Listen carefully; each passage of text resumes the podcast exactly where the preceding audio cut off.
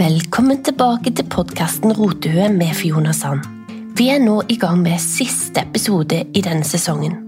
Og Gjennom sesongen så har vi sett på fysisk rydding, decluttering, rydding i økonomien og disponering av tid. Og vi har sett på elementer som hindrer oss, dårlige vaner, dårlige tanker, vår egen identitet og valg. Og Det har vært en fantastisk reise å ta med deg, og jeg håper også du har fått noe ut av det.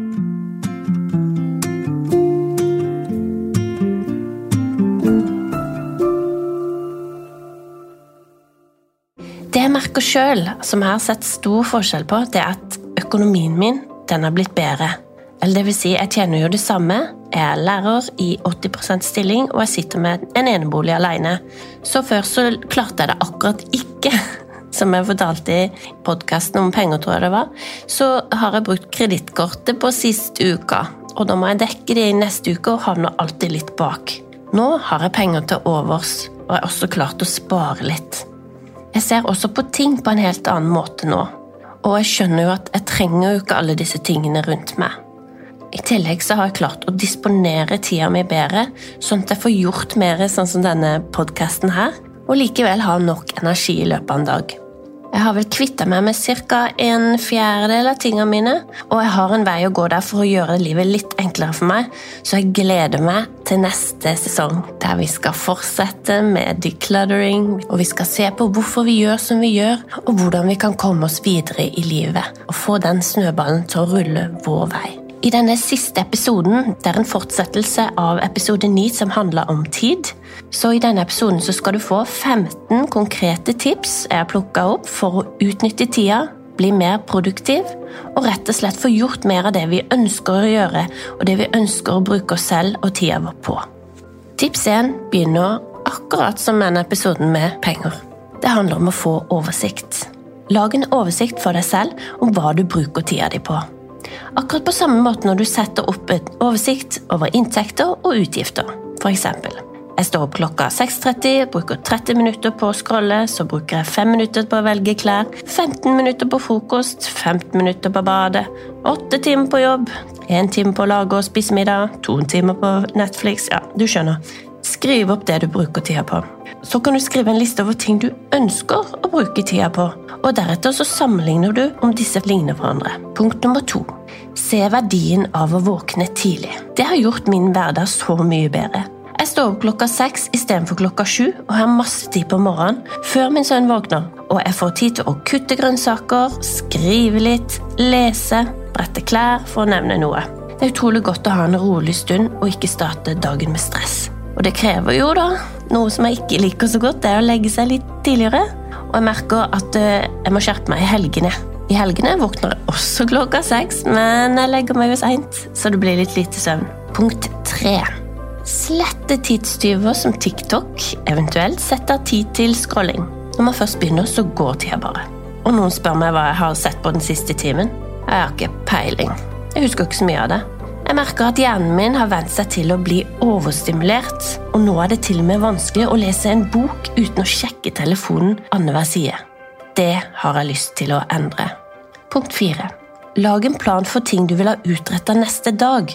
Som nevnt i forrige episode kan det være lurt å sette en alarm og jobbe med noe en gitt tid. F.eks. rydde kjøleskapet ti minutter. Rydde på soverommet, lese en bok, skrive jobbsøknader, gå en tur, ringe en venn eller øve piano. Det du ønsker å bruke dagen til. Dette er veldig populært bl.a. for folk som Elon Musk og Bill Gates, og det kalles timeboxing. Du plasserer ulike oppgaver i ulike tidsbokser. Enten på en kalender eller bare i en notatblokk. Punkt 5. Lær noe nytt.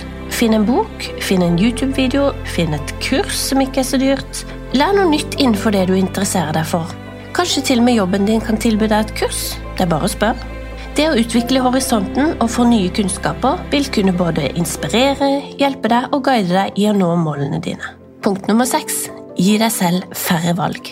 Vi tar vanvittig mange valg hver dag, og noen valg kan vi faktisk kutte ned på. Som hva man skal ha på seg, hva man skal spise, hva man skal handle osv. Jeg har lest en del om minimalisme i det siste, og det du rett og slett gjør, det er å kutte ned på de valgene man tar, så man får mer tid til de viktige valgene og de tingene man har lyst til å gjøre. Punkt nummer syv. Vær snill med morgendagens jeg. Hva vil du i morgen sette pris på at du gjorde i dag? En litt interessant tankegang, syns jeg. Jeg trodde jeg ville bli veldig glad for at morgendagens Fiona redder senga. Men faktisk, helt ærlig, jeg, jeg bryr meg ikke så mye om det. Blir litt glad, men ikke kjempeglad. Men det jeg blir veldig glad for, er at gårsdagens Fiona har henta inn ved, spilt en episode, gjort klar mat og trent, f.eks. Eller vært med noen gode venner. Og ikke minst er jeg utrolig takknemlig hver gang gårsdagens Fiona ikke har spist masse usunt. Du har sikkert kjent på skammen over å ha spist for mye godter eller drukket for mange øl. Men selvfølgelig skal vi ikke ignorere nåtidens Fiona, eller nåtidens deg, men vi skal la de være gode venner.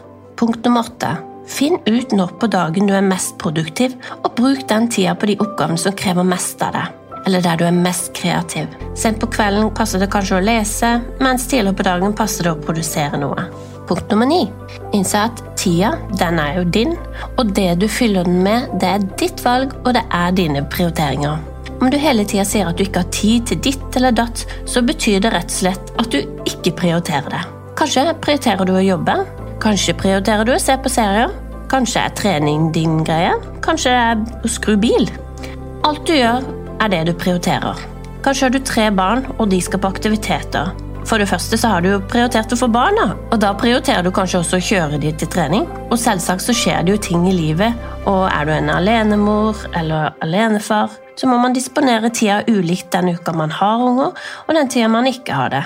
Men om du kommer hjem og er utslitt fra jobb, og bare må slappe av med Netflix resten av kvelden, så er det kanskje på tide å se om det er noe du vil prioritere. Er det Netflix du vil prioritere, eller er jobben rett for deg når du blir så sliten? Og lader du egentlig batteriene med Netflix? Så punkt nummer ti finn din ladestasjon. Hvor lader du best? Er det sammen med andre, eller er det alene? Er det når du er ute i naturen, eller når du leser en bok? Legg merke til hvor du samler krefter og blir løfta opp. Det er de tingene man bør prioritere i livet, og spesielt om man har en situasjon som tapper han i løpet av en dag. Punkt nummer 11. Vær snill med deg selv og kroppen. Tankene dine er en viktig faktor for hvordan du mestrer hverdagen og hva du kan få til. Man kan trene opp hjernen til å begynne å bygge deg opp, istedenfor å være din største kritiker. Og hver gang vi prøver noe nytt og kommer utenfor komfortsonen, så melder tankene seg på med kritiske synspunkt. Tankene vil alltid prøve å dra deg tilbake til tryggheten. Tren deg selv opp til å si fine ting og oppmuntrende ting til deg sjøl, og gjør noe du egentlig ikke tør hver dag. Tre utenfor komfortsonen. Punkt nummer tolv. Mikroendringer i en positiv retning er en stor endring totalt sett på sikt. Det samme gjelder motsatt. Legger du på deg én kilo i året, så er det 10 kilo fra 30-åra til 40-åra. Så man pusher litt i motsatt retning. Altså at du går ned litt, så vil du jo ta av deg 10 kilo på den tida. Så små endringer i hverdagen kan forutsake store endringer på sikt. Bare tenk på sparing. Sparer du en hundrelapp eller hva du har råd til, tusenlapp, så vil det adde opp et ganske stort pluss på sikt. Punkt nummer 13.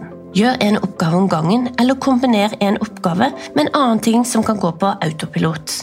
Altså, Hjernen kan ikke tenke to ting samtidig, men den kan switche fra en til en annen. Oppgavene går fortere om du vier all oppmerksomhet til én ting, istedenfor å switche mellom f.eks. å lese og sjekke mail. Det som kan funke, er jo å rydde og høre på en podkast om et tema du vil lære noe om. Punkt nummer 14. Ta pause og gi deg selv noen tomrom så får du ny giv når du går tilbake til en oppgave. Da kan du eventuelt sjekke meldinger, eller rett og slett bare slappe av eller bevege deg litt. Siste punktet, punkt nummer 15. Finn musikk som gir deg energi, og bruk musikken som en kilde til energi og glede. Syng så høyt du kan, og slipp deg løs. Uansett hvordan du har det den dagen, så vil du få kroppen og hodet inn i et annet spor, og endorfiner vil bli sluppet løs. Det er utrolig hvordan vi mennesker kan bli påvirka av musikk. Så bruk det til din fordel. Det var alt jeg hadde i denne sesongen. Og jeg håper du har kost deg, jeg håper du har lært noe, jeg håper du har tenkt litt, jeg håper du er snill med deg selv. Besøk gjerne Instagram, Rotehue og Facebook-sida, og vi høres i neste sesong av Rotehue.